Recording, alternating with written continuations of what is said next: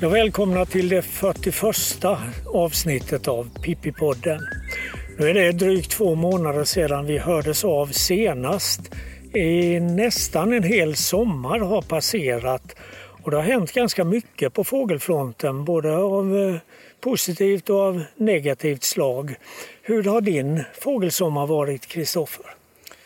Jag tycker att den har eh, handlat väldigt mycket om att eh, visa havsörnar för folk hela dagarna. Men det är ju väldigt roligt, särskilt att visa havsörn för någon som aldrig har sett en havsörn och särskilt för någon som kanske är 70 plus. Folk blir så otroligt glada och många barn blir glada över att se havsörn för första gången med.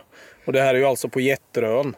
Vi matar inte havsörnar nu på sommaren naturligtvis, men det kommer ut några stycken där i princip varje dag ändå. Mm. Du då? Ja, jag var just på Getterön och hade en guidning om vadare första söndagen i augusti. Den första augusti alltså. Och eh, det var jättemycket vadare där men vi underhölls också av två gamla havsörnar som eh, stal intresset en stund. Eh, och det märktes ju alltså på flera av deltagarna i den här guidningen att eh, de är inte de är, de är inte vana vid havsörnar utan havsörnen var, var liksom nästan huvudnumret. Även om vi då kanske hade drygt 20 vadare och kunde titta på deras olika typer av födosök och så. Det var det själva guidningen handlade om. Hur eh, vadare söker föda, alltså om de gör det med känseln eller med ögonen eller hur de bär sig åt. Och vi hade liksom ett smörgåsbord av vadare framför oss. Och det tycker jag har varit det roligast egentligen med den här sommaren att det har varit så gott om vadare nu. Speciellt nu på den senare delen. Ja, verkligen. Jag vet, eh, det var en dag jag kom till eh, jobbet på Jätterön och det gick en stor flock med kärrsnäppor där med insprängda sposnäppor och kustsnäppor och så var det både myrsboar och kustpipare lite längre bort. Så det var ju en enorm variation av vadare och just mm. de här rödfärgade vadarna är ju så otroligt läckra. Och eh, ja, jag hade väl för ett par veckor sedan en vadarskola på Jätterön med som drog rätt mycket folk. Och då är det rätt så roligt att kunna jämföra grönbena och drillsnäppa och skogssnäppa och gluttsnäppa och berätta om dem, hur man skiljer dem åt och sådär. För att det är ett ständigt gissel när man är nybörjare och kunna skilja de här vadarna åt. Men det är väl egentligen inte bara på utseendet på en vadare man går när man ska försöka artbestämma den. Nej, just det här sättet de söker föda på, det, det kan ju vara en, en liten ledtråd i alla fall.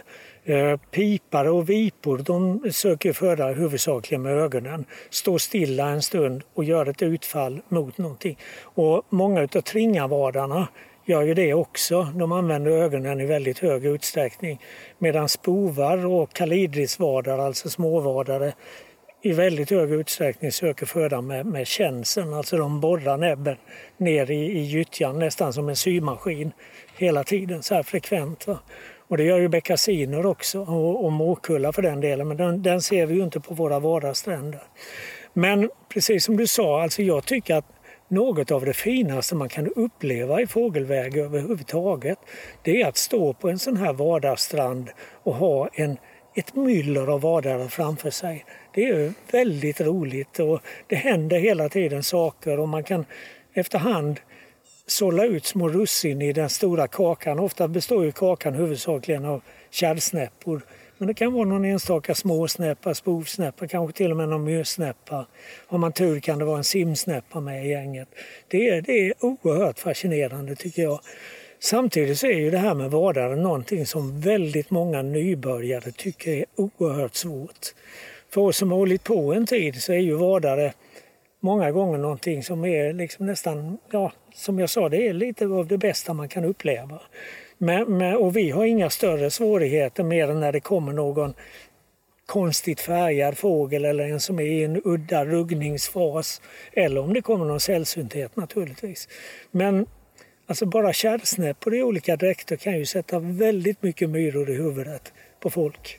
Ja, om man ser en sån här ljus kärrsnäppa på håll som kanske dessutom ser lite mindre ut än en annan kärrsnäppa, då kan det ju kanske vara en sydlig kärrsnäppa eller en fågel som är född året innan. Det vet mm. jag Det var en i Galtabäck nu eh, utanför Varberg för en tid sedan.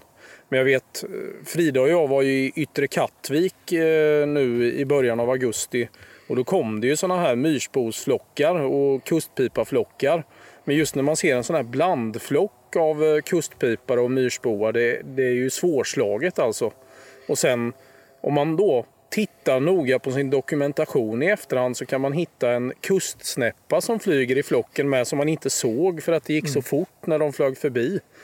Så man ska inte alltid lita på sina ögon fast man står och tittar på en flock kanske under en minut som man har mm. framför sig. Eh, vadare kan vara verkligen eh, klurigt alltså. Sen är ju vadare fascinerande också både för att många av dem flyttar ju väldigt långt och sen har de ju en massa olika konstiga häckningsbiologi. Det är inte ett och samma mönster rakt igenom hos alla arter utan det är ju rätt stor variation på, på häckningsbiologin. Ja, vi har ju olika populationer av strandskator och myrsboar och ja, flera andra arter som kommer hit också från olika platser i världen. Men vi sitter ju just nu, på tal om vadare höll jag på att säga, men vi sitter ju på en av Sveriges bästa flyttfågelplatser just nu en augustikväll här med solen i ryggen. Vart är det vi är någonstans? Ja, vi är i den så kallade ringmarkadungen vid Grötvik strax utanför Halmstad. Vi befinner oss faktiskt sydväst om Halmstad centrum.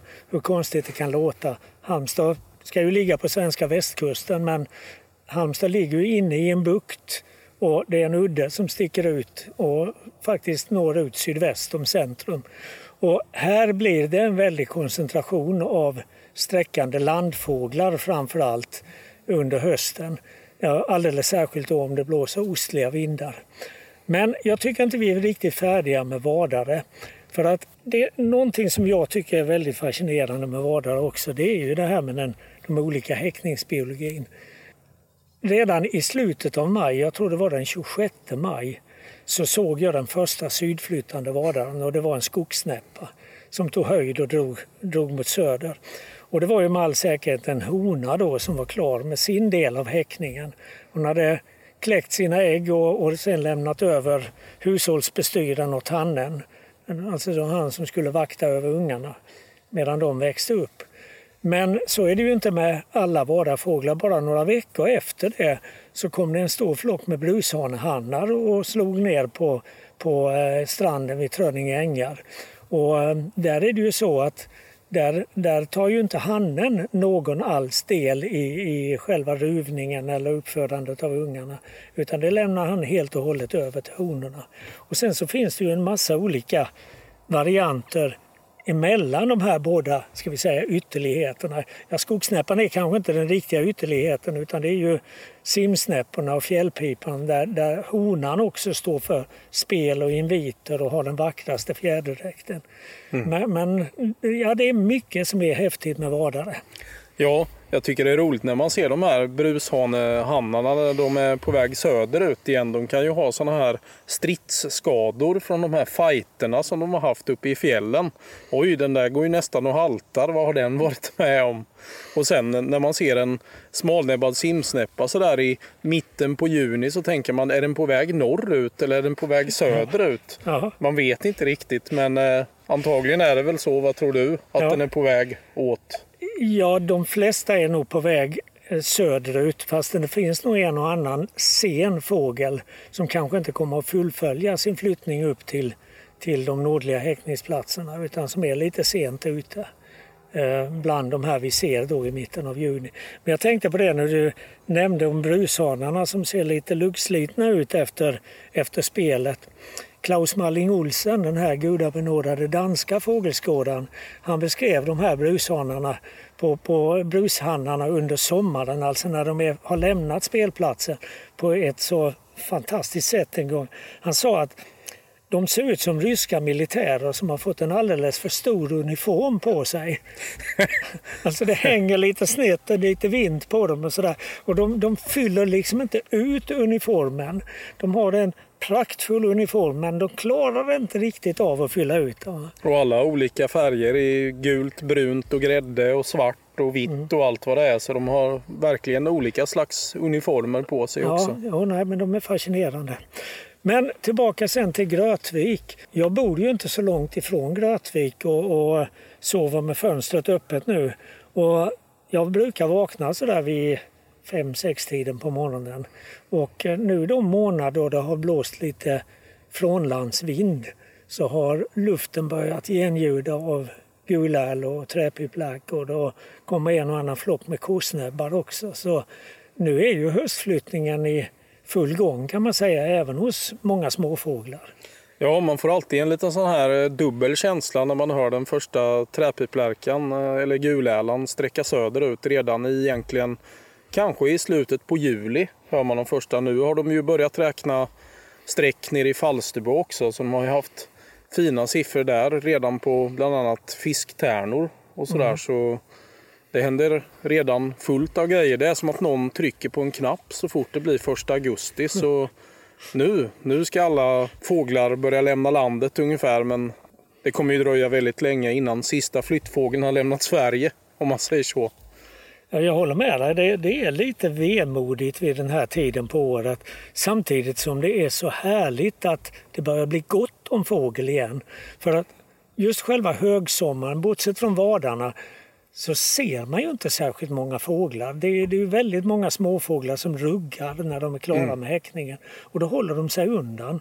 Så det känns rätt tomt i naturen under senare delen av juli.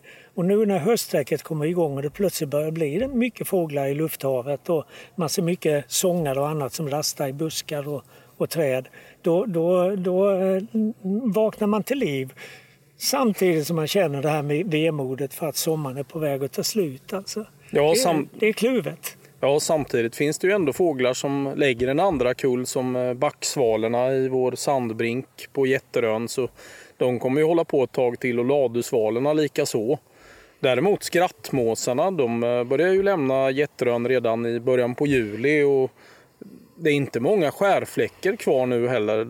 De här fantastiska svarta och vita fåglarna med uppåtböjda näbbar. Jag hoppas ni alla får se dem någon gång.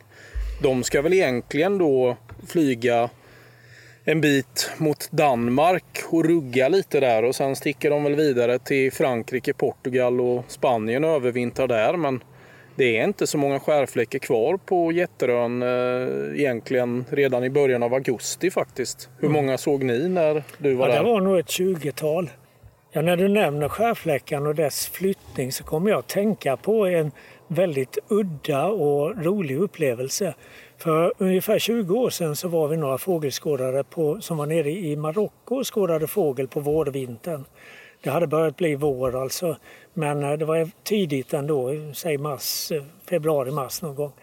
Och eh, vi satt vid kusten och tittade på förbiflygande fåglar när vi fick syn på en tät vit flock på vattnet. Alltså det såg ut nästan som ett isflak som låg och flöt där i värmen.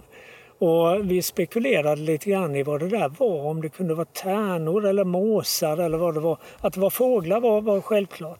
Och så plötsligt lyfte de och då var det skärfläckor, säkert en 40-50 stycken som hade legat tätt, tätt tillsammans och simmat säkert en kilometer eller två ut på havet. Och, och de hade bara liksom tagit en paus där. Nu, nu tar vi det lite lugnt grabbar, eller tjejer. Och, och, så, så flyger vi vidare om en stund. Häftigt. Det är ja. ungefär som när man ser en tärnflock lägga sig långt ute på havet ibland. Man blir alltid lite så här paff. Va? Ligger de där? De ska ju upp och flyga ungefär. Så vissa fåglar är man ju inte van vid att se på mm. vatten. Mm. Förut förresten när du berättade om skrattmåsarna som lämnar Jätterön tidigt så ovanför dig, men bakom dig, så var en hel svärm med skrattmåsar. Nu är de försvunna men de var ju förmodligen på jakt efter flygmyror eller någon annan typ av svärmande insekter. Det har det varit nästan varje eftermiddag här nu de senaste två veckorna. Alltså en väldig massa insekter i luften och stora ansamlingar då framförallt måsar men också starar. Och en och annan lärkfalk har det varit här och jagat de här insekterna. Och precis nyss hörde vi ju gröngöling bakom oss med och här kan man ju ha både spillkråka och gröngöling samtidigt faktiskt. Det är ju inte så många platser det är så. Nej. Spillkråkan brukar häcka i tallskogen här en kilometer norr om där vi sitter. Men gröngölingen häckar nog ganska nära här. För jag har haft gröngöling nästan varje dag här och nu på sistone, eller rättare sagt under juli månad, så var det ganska vanligt att jag hörde ungar som tiggde eh, i ett område bara några hundra meter bort. Så då, jag letade aldrig efter boet men jag hörde att det var gröngölingungar. Skoj! En annan rolig grej just här i Grötviksdungen är ju att det har häckat rosenfink här i år också. Mm. Man har ju fångat flera rosenfinkar på ringmärkning. Just att ändå få hålla en sån här riktigt röd och grann hanne, det är rätt häftigt. Och sen att ha i bakhuvudet med tanke på hur långt de flyttar också, att de kan flytta ner ända till Indien härifrån och sen mm. komma tillbaka igen. Det har man ju sett genom ljusloggers och liknande. Det verkar ju som att rosenfinken har haft ett ganska bra år, i alla fall här på västkusten.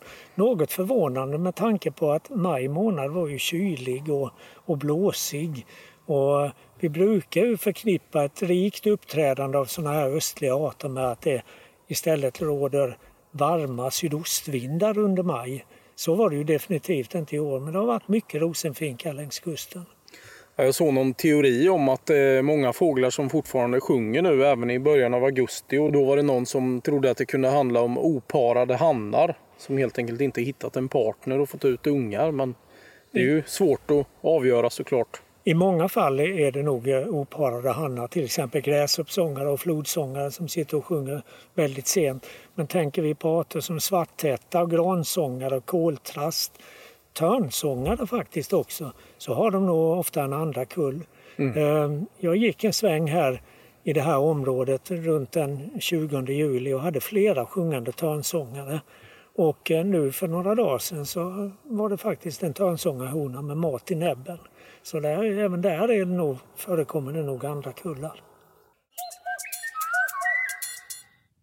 Ja, då säger vi välkommen till Åke Lindström som väl för de flesta är mest känd som ansvarig för Svensk fågeltaxering. Men Åke har också ett brinnande intresse för både fjällvärld, tundra och vadare, eller flyttfåglar i största allmänhet. Och vi kan väl börja i den där fjällvärldsänden. Du är ju en av de personer som har lagt ner massor med tid under många år på Luvre.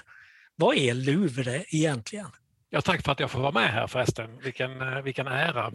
Eh, Luvre är en, eh, en väldigt spe, liten speciell skapelse. Det är eh, en blandning av eh, forskare och amatörer eh, amatörer i den meningen att de inte har betalt för att, att hålla på med fåglar och annat som, som sedan 1963 har studerat eh, djurlivet, framförallt fåglarna i, eh, uppe i Ammarnäs i fjällvärlden där. Det står för Lund, Lund University Vindel River Expedition. Eh, och det kom, har jag förstått, från den tiden när eh, på 60-talet och 50-talet då åkte man gärna från universiteten på olika fancy eh, expeditioner runt om i världen. Eh, ja, Sydafrika och Indonesien och Borneo och de hette alltid någonting sådär speciellt, någon häftig förkortning. Så att, då la man sig till med, med Luvre här. Så även när man åkte till Ammarnäs så skulle det ha ett väldigt fint namn? Ja, det var kanske nog så exotiskt 1963. Det var ju en eh, enkel grusväg de sista nio milen när man skulle, skulle dit så att det var kanske lite expeditionstakter också. Men, men handlar det inte också lite grann om att eh, skaffa underlag för att bemöta planerna på att bygga ut Vindelälven? De var, ju, de, var ju, de var ju stora och starka på den tiden, alltså de här planerna. Ja, precis. Det var ju, vid den tiden fanns det ju fyra eh, och finns fortfarande eh, icke out, alltså outbyggda älvar och Vindelälven då var en av dem. Så att eh, det skickades upp ett antal eh, Lundastudenter i princip för att ta reda på vad, vad, eh, vad som fanns där och vad som eventuellt skulle bli förstört om man, om man fortsatte de där planerna. Och sen är det som för många andra som har åkt upp där, att när man väl varit i Ammarnäs en gång så måste man åka tillbaka. Ja. Eh, jag, är viss, jag är visserligen junior i sammanhanget men jag har varit där i 39 år nu. Så att, det kallar du junior? Ja, jo, jo, jo men Sören Svensson som var en av de som var med från startet, han var ju där uppe i år också och det var väl hans 59 säsong så att eh, ja, junior vet jag inte men eh, någonstans mittemellan. Ja, i Sörens fall så kan vi ju med, med fog prata om senior. Men, ja, eh, men 30, ja. 39 år är imponerande. Vad är det som får dig att återvända år efter år? Bra fråga. Det är ju en kombination av... Eh, jag är uppvuxen som du i, i Sydhalland där man ser horisonten överallt. Så att jag, jag, eh, när jag kommer upp på Kalfjället så är, då är jag ju liksom hemma. Så det, det, det, är verkligen ett ställe där jag, där jag trivs. Även i fjällbjörkskogen där vi faktiskt är mest nu för tiden, eller jag är mest. Men, men, eh, och sen så eh, är jag väl också till den, eh, den läggningen att jag gör, jag gör gärna samma sak eh, år efter år efter år. Det är väl därför jag håller på med svensk fågeltaxering också där, där, man, där man ska göra samma sak år efter år efter år. Så. Nej, Men... sen är ju Ammarnäs det är lättillgängligt och det är ett fantastiskt fågelliv och, och naturliv överhuvudtaget. Så det, ja. En sak som eh, slår mig när jag kommer upp i fjällvärlden nu, nu är det inte så ofta som jag åker dit, men när jag väl kommer dit så slår det mig när jag återvänder till, till platser som jag har besökt tidigare, det är att landskapet börjar se rätt annorlunda ut. Man ser att vegetationen kryper uppåt längs eh, fjäll, fjällväggarna eller fjäll, uppåt fjällen alltså. Är det så i Ammarnäs också? Ja, det är det. Sen när man är där varje år så är det som, det är väl som när barnen växer upp. Man märker liksom inte, det är så långsamt kommer krypande. Det är, nog, det är nog tydligare om man åker upp där var tionde år eller någonting sånt där. Det, jag, det som jag, ehm, jag har ju tagit foton på fjällsidorna där sen, som de första åren så det kommer ju, kan man ju börja titta på dem och se vad som har hänt. Men Plus att Sören Svensson startade ju bara för fem år sedan ett nytt långtidsprojekt och mäta just hur det går för granar och tallar som klättrar upp, för, upp på kalfjället. Men för mig är nog den största skillnaden uppe där vi håller till, uppe vid Kjulträsk, att eh, det börjar växa igen. Alltså det som fanns i, i form av slåtterängar och så eh, har vuxit igen med björk nu. Och, och, de gamla fina eh, de här eh, hö, höladorna som stod eh, har rasat ihop och fallit ihop och sådär. Så att det, det är nog den största skillnaden för min del som jag kan mm. säga mest Så det, det, är alltså mera upphörd hävd än klimatförändringar som, som ligger bakom de här förändringarna? Det skulle, det, det skulle jag tro att det, skulle jag tro att det är. Klimatförändringarna är ju, det är ju väldigt spännande vad gäller Ammarnäs. Vi har ju analyserat rätt mycket av våra långtids serier nu och, och, då vill man ju alltid jämföra med hur, hur, klimatet har ändrats. Och om man då tittar på den delen av eh, året när, det, när inte hela trakten är djupfryst, det vill säga från eh, maj till september, så har ju alltså de senaste 50 åren i alla fall så har ju inte maj och juni faktiskt blivit varmare där uppe. Medan april, juli och augusti har blivit mycket varmare. Så det är en ganska komplicerad, eh, lite svårt att reda ut vilken effekt eh, klimatförändringarna har haft där. Eh, men väldigt spännande. Mm. Vad är det för fåglar mera precis som du ägnar dig åt i Ammarnäs? Ja, vi har så att säga, kärn, kärnan i Luvre sen starten det är ju ett antal inventeringar. Vi är uppe på Kalfjället och vi är i fjällbjörkskogen på flera olika platser. Eh, det är revirkarteringar, det är linjetaxeringar och så. Det jag har ägnat mig mest åt det är den delen vi kallar för postluvre. Eh, post i den här meningen efter luvre så att säga. Så vi ringmärker eh, fåglar på ett standardiserat sätt i, i, uppe i fjällbjörkskogen, uppe vid, vid, vid Kjulträsk, Stora Kjulträsk.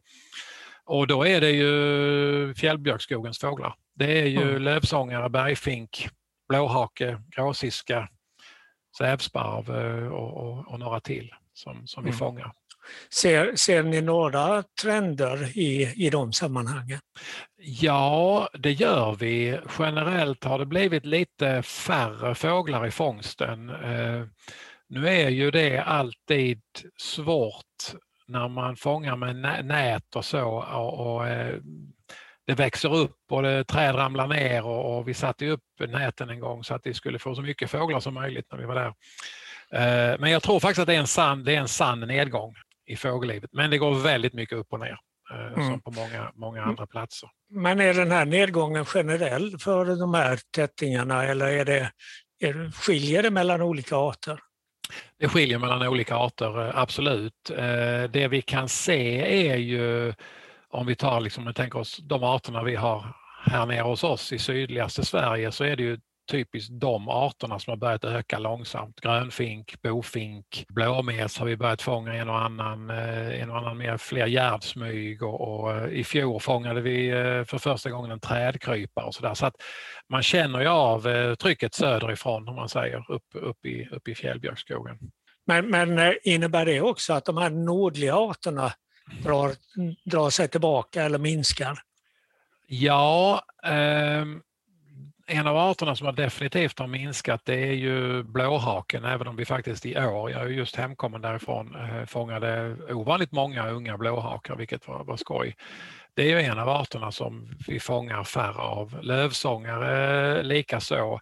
Den art, men däremot det finns andra eh, arter som är väldigt vanliga där uppe som, har, som också har ökat. Rödvingetrast och björktrast till exempel har, har vi, fångar vi mer utav. Så att, det är som i svenska fågelfaunan generellt. Det är en, en, del som ökar, en del som minskar. Så det, det är liksom ingen, det är ingen generell minskning på allt eller generell ökning på allt, utan det, det mm. varierar mellan arterna. Detta är alltså det du sysslar med, men sen har du kollegor där uppe som eh, ägnar sig åt andra undersökningar, har jag förstått. Ja. Ja, eh, precis.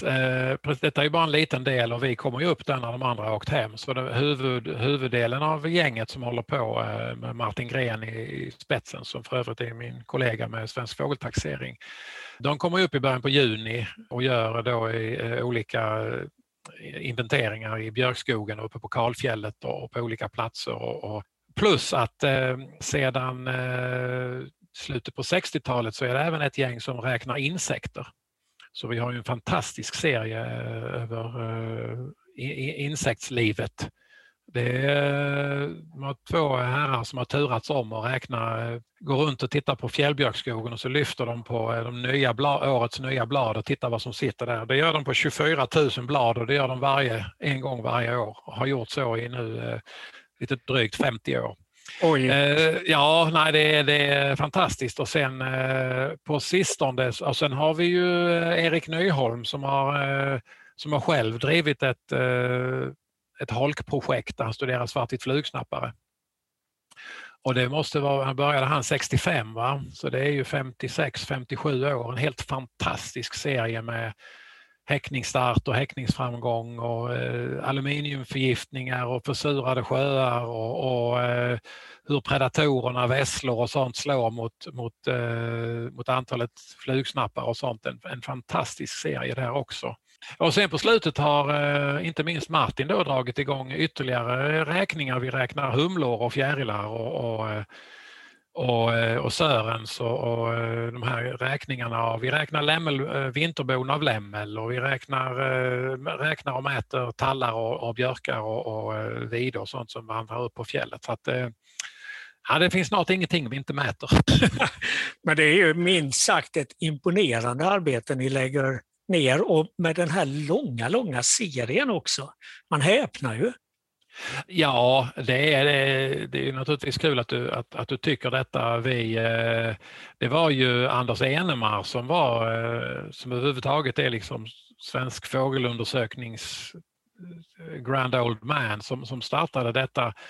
Och vi känner ju, liksom, man känner ju ett ansvar att föra de här serierna vidare. Det här får ju absolut inte upphöra utan nej, det är viktigt och, det, och det, serierna blir naturligtvis bara mer värdefulla ju längre ju längre vi håller på. Ehm, så vi eh, försöker ju även attrahera eh, studenter och ungdomar och även äldre som vill komma dit och, och eh, vara med för det är ju, finns mycket att göra. Och, ja, men det är någonting vi vurmar, vurmar för naturligtvis. Men nu är alltså årets fältarbete över där uppe? Ja, där är fortfarande ett gäng eh, ungdomar som är, håller på med fångsten, så vi brukar sluta vid 15 augusti.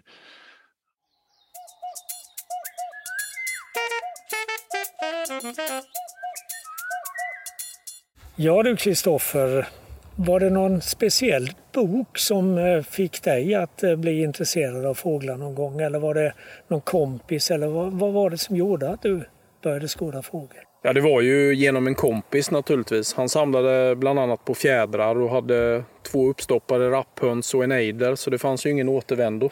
Du då? ja, Ja, jag vet inte riktigt hur det började, men det började väldigt, väldigt tidigt i alla fall.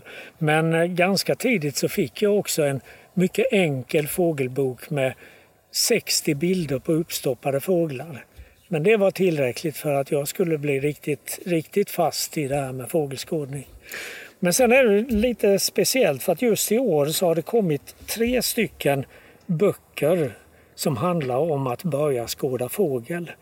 Det är Erik Hirschfeldts Bli en fullfjädrad fågelskådare, Magnus Ullmans med kikare och kaffetermos, handbok i fågelskådning och Peder Edvinssons Fantastiska fåglar. Ja, jag vet inte hur det kom sig men de här tre böckerna kom ungefär samtidigt i våras. Och om jag har förstått det rätt så vänder de sig till ganska stor del till nybörjare.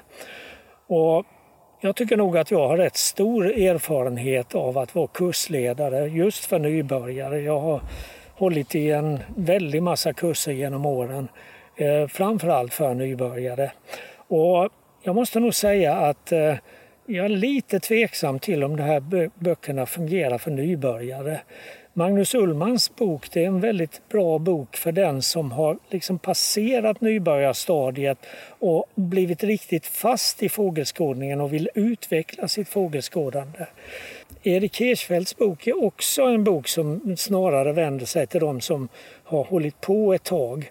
Den enda boken som jag skulle sätta i händerna på på rena nybörjare det är Peder Edvinssons bok Fantastiska fåglar som har underrubriken En bevingad guide i hjärtat av fågelriket full av passion och upptäckarlust. Och det säger ganska mycket om den boken. Jag, jag blev väldigt fascinerad av den och tycker det är en väldigt bra bok eh, just för nybörjare.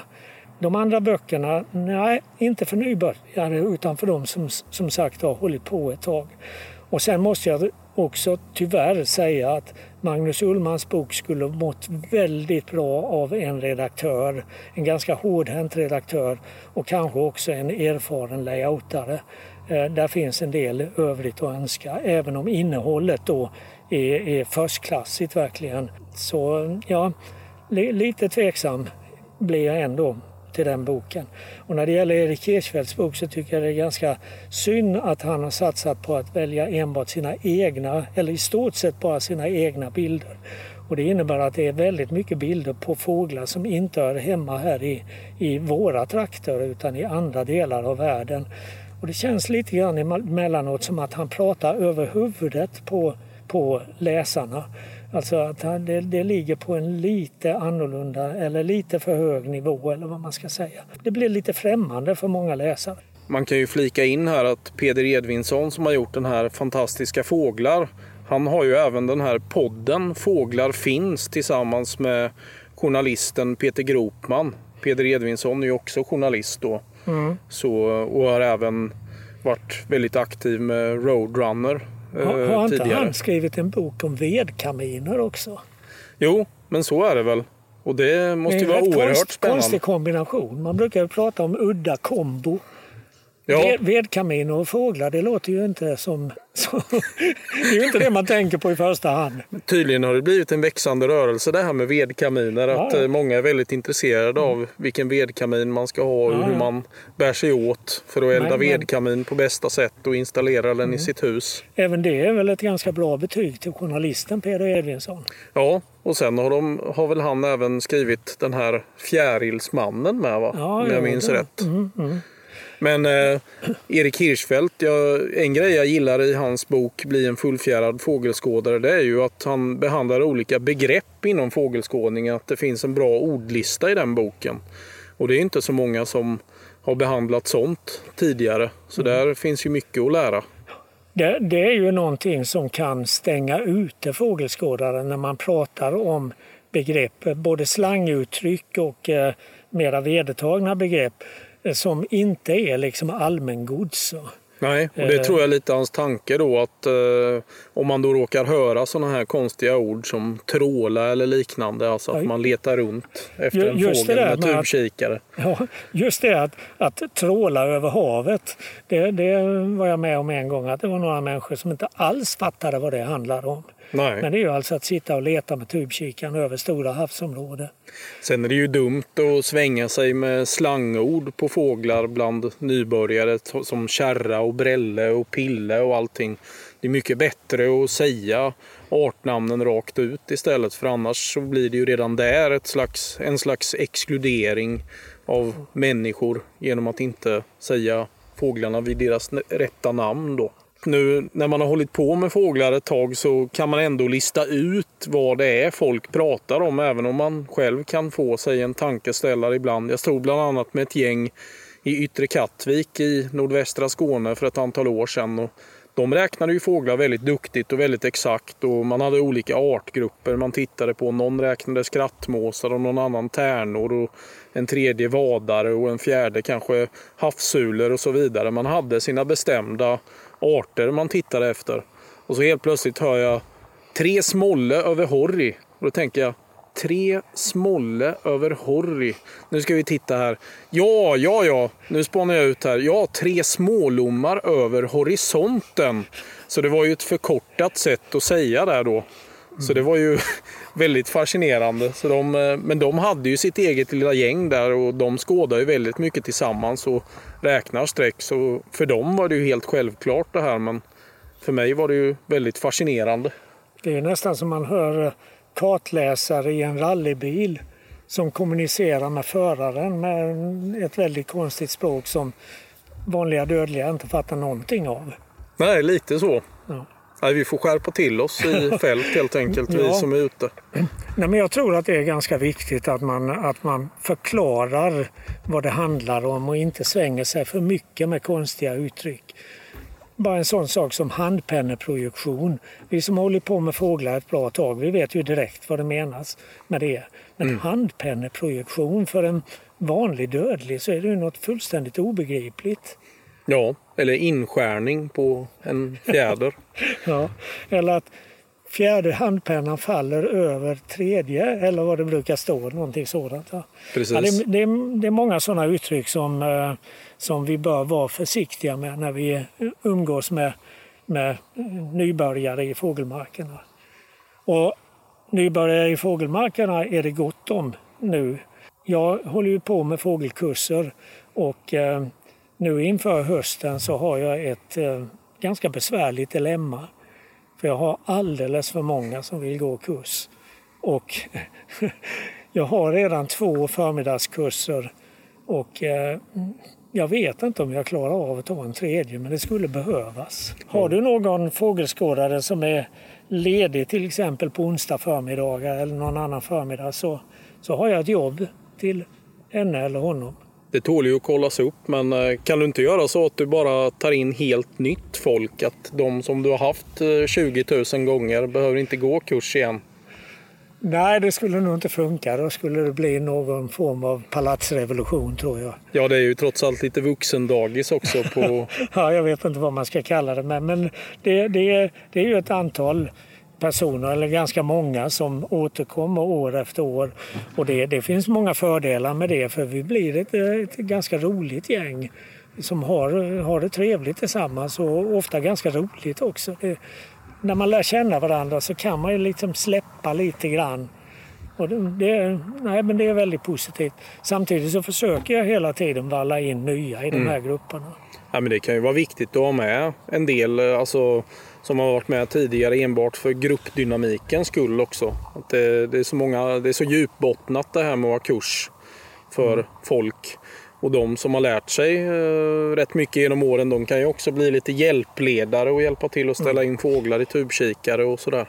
Jo, men så är det ju definitivt alltså. Och det är ju många utav dem som var nybörjare för ett par, tre år sedan som nu är duktiga fågelskådare och som verkligen bidrar med mycket, både att hitta fåglar och att bestämma fåglar och, och kanske berätta små anekdoter och annat om, om de olika arterna vi ser. Så, Så eh, det, de, de som har varit med några gånger de, de eh, bidrar verkligen, vill jag säga.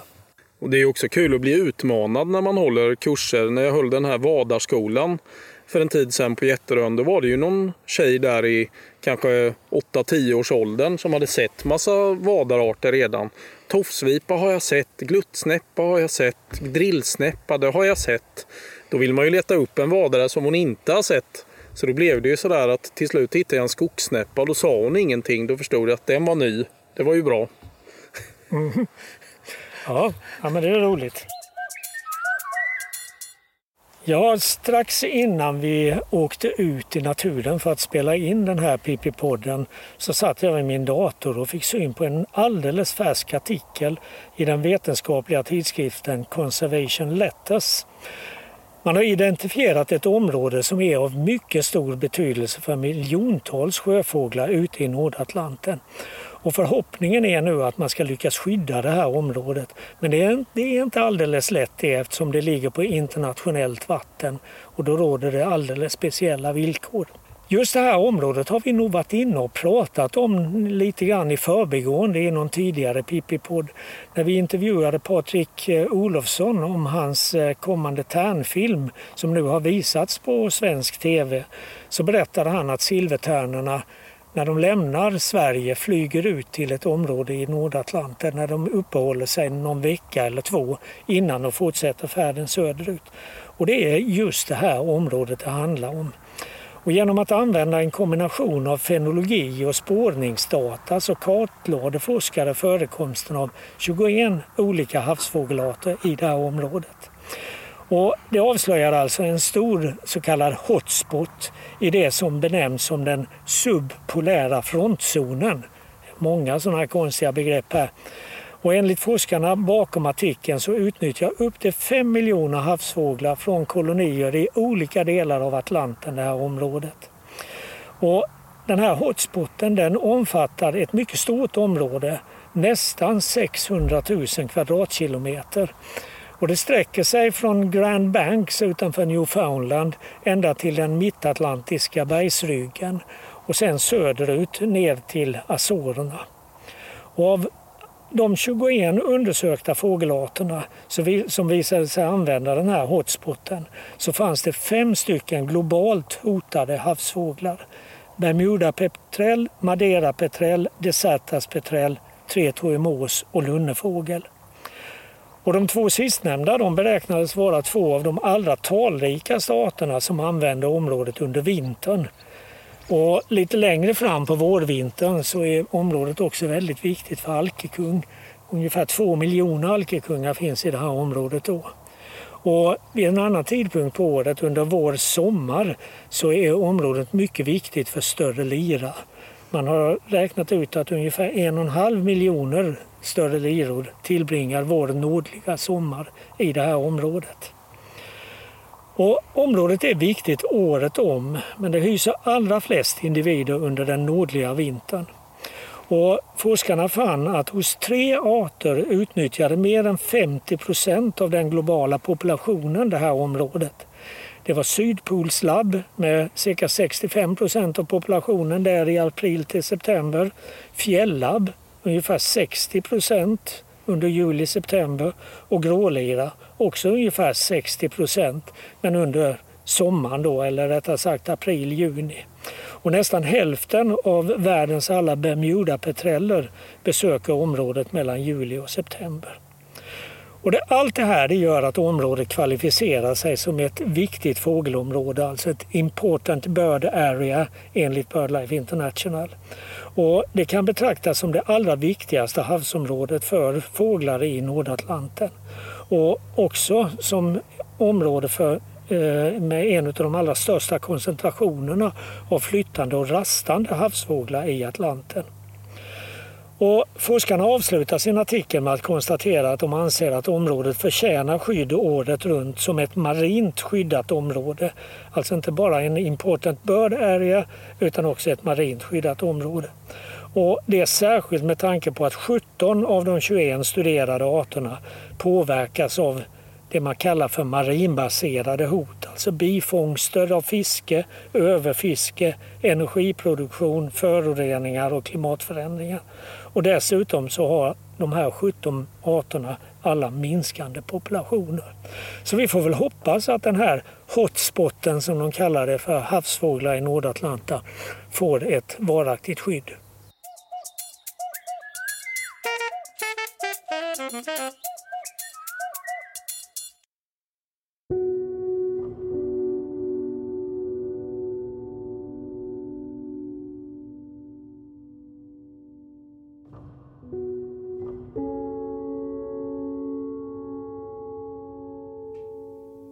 Långvingade perfekta fåglar som behärskar havets och vädrets makter. För mig kan det inte bli större. Jag tänker ofta på dessa havets vagabonder. Så oåtkomliga och mäktiga. Så självständiga, enastående och fantastiska. Bara namn som petrell, lira, albatross, stormsvala, fregattfågel och stormfågel har en smakfull klang i språket.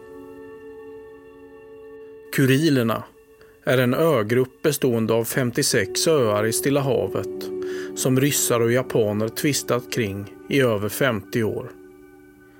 Första gången jag stiftade bekantskap med namnet Kurilerna var när jag såg målningen De mörka stormfåglarnas ö av Lars Jonsson.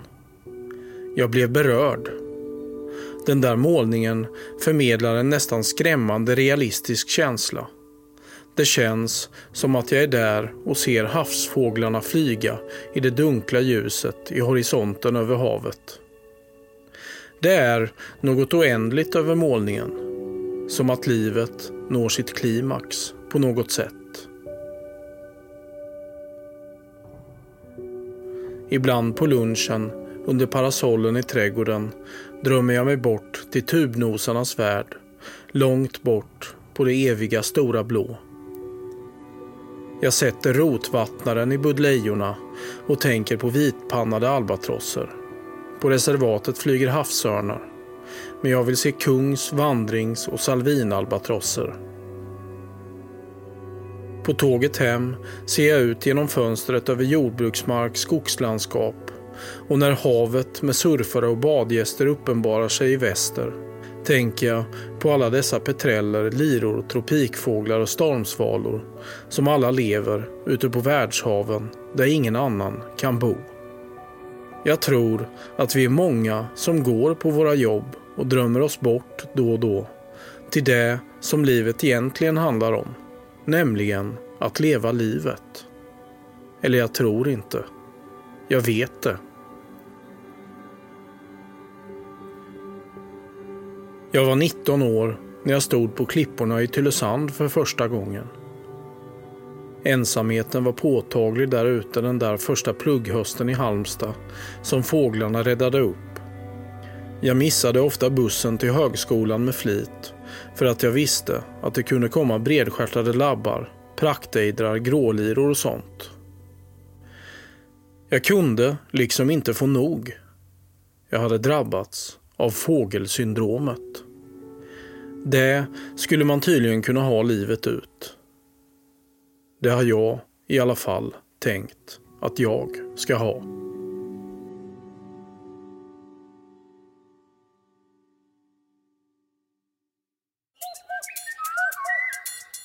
Nu är vi alltså inne i början av augusti och det ligger en alkekung i sommardräkt och plaskar runt i en liten båthamn mellan Varberg och Kungsbacka.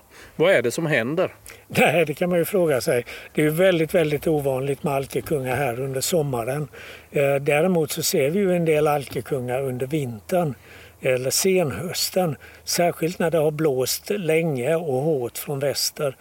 Men det är inte första gången det dyker upp en alkekung i Sverige under sommaren. Det har hänt vid några tillfällen tidigare.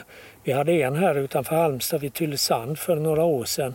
Men den här har ju verkligen bjudit på sig. Ligger inne i en småbåtshamn och dyker och simmar omkring mellan bryggorna så man kan stå på bryggorna och titta på den har jag sett. Ja, den verkar ju fånga en och annan fisk också. Det pratas ju ibland en del om att den är, kan vara oljeskadad också, men jag vet inte riktigt om det har framgått helt hundraprocentigt om den är det eller inte. Nej, det behöver den nog inte vara. Och man ska ju också veta att alkorna de häckar ju inte som ettåringar utan oftast först som tre, fyraåringar och jag tror att det gäller även alkekung. Det här kanske är en så kallad tvåkofågel då som är Ja, är förmodligen är det alltså en subadult fågel som visserligen är helt utfärgad men som kanske inte är mogen att börja häcka och som har hållit till ute i Atlanten någonstans och av någon anledning kommit in här. Det, det har ju ändå blåst ganska så friskt den, de senaste dagarna. Jag har fått påringningar om åtminstone två utmattade havssulor som har stått på stränderna här. Så eh, någonting i den vägen tror jag det handlar om, alltså att den är vinddriven. Alltså. Ja, jag fick också höra om en havssula som var borta i Vilshärad här eh, norr om Halmstad. Och där var det en som åkte ner och hämtade men tyvärr så verkar det som att den var mer eller mindre utmärglad. Alltså den hade inte fått i sig mat. Det är nog ofta så med de havssulor som eh, kommer in till stränderna att de, det är kört så att säga. Alltså de, eh, de, det har gått så långt för dem så att de, de är liksom bortom allt hopp. Eh, många gånger så är de väldigt hårt angripna av parasiter. En av de havssulorna som jag fick påringning om den hade mängder av fjäderparasiter. Och förmodligen hade den ju säkert en del inälvsparasiter också. Och eh, det, det, är, det, det är många gånger svårt att förklara för människor att hoppet är säkert ute för den här fågeln. Det finns, finns inte stora anledningar att försöka rädda den utan det är kanske bättre att avliva den. Nej, Men, men då, då får man ibland höra och du ska vara fågelvän du. det När man kanske, säger så. det är kanske just därför man är fågelvän eftersom man säger så. Ja. Men eh, hoppet är väl inte ute för oss kan man väl säga. Nej, du, har nej, väl vi- sa, vi- du har väl saker att se fram emot? Vi, vi har väldigt mycket att se fram emot. Vi har ju redan pratat om det att hösten har börjat göra sig ordentligt påminn nu med guläl och träpiplärk och kosnäbbar i luften. Eh, och höst, eller för, det här småfågelsträcket under hösten det blir ju bara bättre och bättre nu de kommande veckorna. Jag ska åka ut till Nidingen några dagar och delta i ringmärkningen där. Det ska bli väldigt spännande. Jag har inte varit på Nidingen på över 35 år. Så, så det blir ett väldigt, väldigt kärt återseende. Ja, det är ju en häftig plats med tobisgrisslor och tretåiga måsar på nära håll. Och du har väl fullt upp med, med alla fåglarna på Jätterön också tänker jag. Ja, det kommer det ju bli. Det kommer bli en intensiv höst där. Och jag tänker väl att jag har blivit inspirerad här av Johan Lorentzon som vi hade med i Pippi-podden för ett tag sedan. Han spelade ju in eh, fåglar på nätterna, så kallad knockmig, alltså nocturnal migration på engelska. Och att, att man då kanske lägger ut en mikrofon på balkongen hemma och ser vad man lyckas spela in. Det kanske kan komma en ortolansparv eller bändelkorsnäbb eller något annat kul, kanske en rördrom däröver. Så inspireras lite av det och gå in och lägga in de här lätena i datorn och försöka lista ut vad det är. Kanske behöver man en hel del hjälp i början men det ska bli väldigt intressant. Jag lyssnade på en podd bland annat om hur man spelar in fåglar på nätterna. Och då var det någon som hade frågat hur ska man sätta mikrofonen då? Och det förklarade ju Johan att kanske att man inte ska ha den under ett träd exempelvis för att det prasslar en massa. Men egentligen behöver det inte vara så svårt. Han sa sätt ditt huvud där du vill sätta mikrofonen. Så jag får väl liksom böja mig ner på balkongen och ställa någon stol där eller någonting och se om det inte är för mycket ljud som stör. Så kanske jag då kan sätta mikrofonen just där. Du får, du får lyssna dig fram till den ideala platsen alltså. På tal om läten så hörde vi precis en skogssnäppa som flög förbi här. Jag vet inte om den kom med i inspelningen, då återstår väl att se. Någon ungfågel skulle jag kunna tänka mig vid den här tiden som är på väg söderut. För honorna stack ju redan i början av sommaren och hannarna stack vid midsommartid. Precis. Så nu är det Nej, bara men- ungfåglar kvar. Precis, och sen är det ju lite, ja, när man bor på västkusten då så vill man ju kanske ha på hösten varannan dag kan det vara ostlig vind och varannan dag kan det vara västlig vind. Så kan man blanda det här småfågelsträcket med havsfåglar lite hipp som happ sådär. Och det brukar ju naturligtvis inte bli varannan dag men september brukar vara en sån månad och till viss del även oktober där man kan förena dessa två världar och baka en väldigt härlig och god kaka. till slut. ja, nej men det är, det, det är ju riktiga idealdagar med... Det kan ju vara så faktiskt ibland att det kommer ett riktigt djupt lågtryck utifrån Atlanten och innan det här lågtrycket kommer fram så kan det vara sydostvindar här som för med sig mycket småfåglar längs med kusten. Och sen så kommer lågtrycket med full kraft och sydvästvindar och då, då kan det vankas högtidsstunder för den som gillar havsfåglar. Ja, det är härligt. Jag tycker också det ska bli spännande att se om det blir någon viss art som uppträder mer än vanligt. Alltså förra året var det ju grönsiskor från eh, sommaren in, rakt in i vintern mer eller mindre hela tiden. Året innan var det ju tallbitar naturligtvis, men det är ju väldigt speciellt. Så mm. Tycker du att du har sett någon tendens till att någon art uppträder ovanligt mycket redan nu så här Nej, i augusti? Det, det enda är väl att man har hört en hel del korsnäbbar tycker jag. Eh, jag kan, med min dåliga hörsel kan jag inte höra skillnad på större och mindre korsnäbb. Men, och jag hör, har svårt att höra dem men just med tanke på det så måste det vara ganska mycket korsnäbbar för jag tycker jag hör ändå korsnäbbar som kommer väldigt nära mitt hus varje morgon. Då, va? Det mm. blir ett plippande plipp, plipp, plipp, plipp. Ja, för in, innan i år har det ju inte alls varit särskilt mycket mm. korsnäbbar men det där mm. kan ju lossna till slut. Bara häromdagen så hittades det ju en bändelkorsnäbb här i inlandet i Halmstad så det kanske tyder på någonting. Mm. Vi får väl se när vi kanske återkommer någon gång framåt hösten och summerar eh, vad, vad den, den här inledningen på höstflyttningen gav. Ja, jag tycker att vi ska bege oss utomhus och spela in igen. Det här var ju riktigt bra, förutom alla sportbilar som då och då ska köra förbi på Tylösandsvägen. Redigering av Frida Nettelblatt. Pippipodden produceras i samarbete med Studiefrämjandet.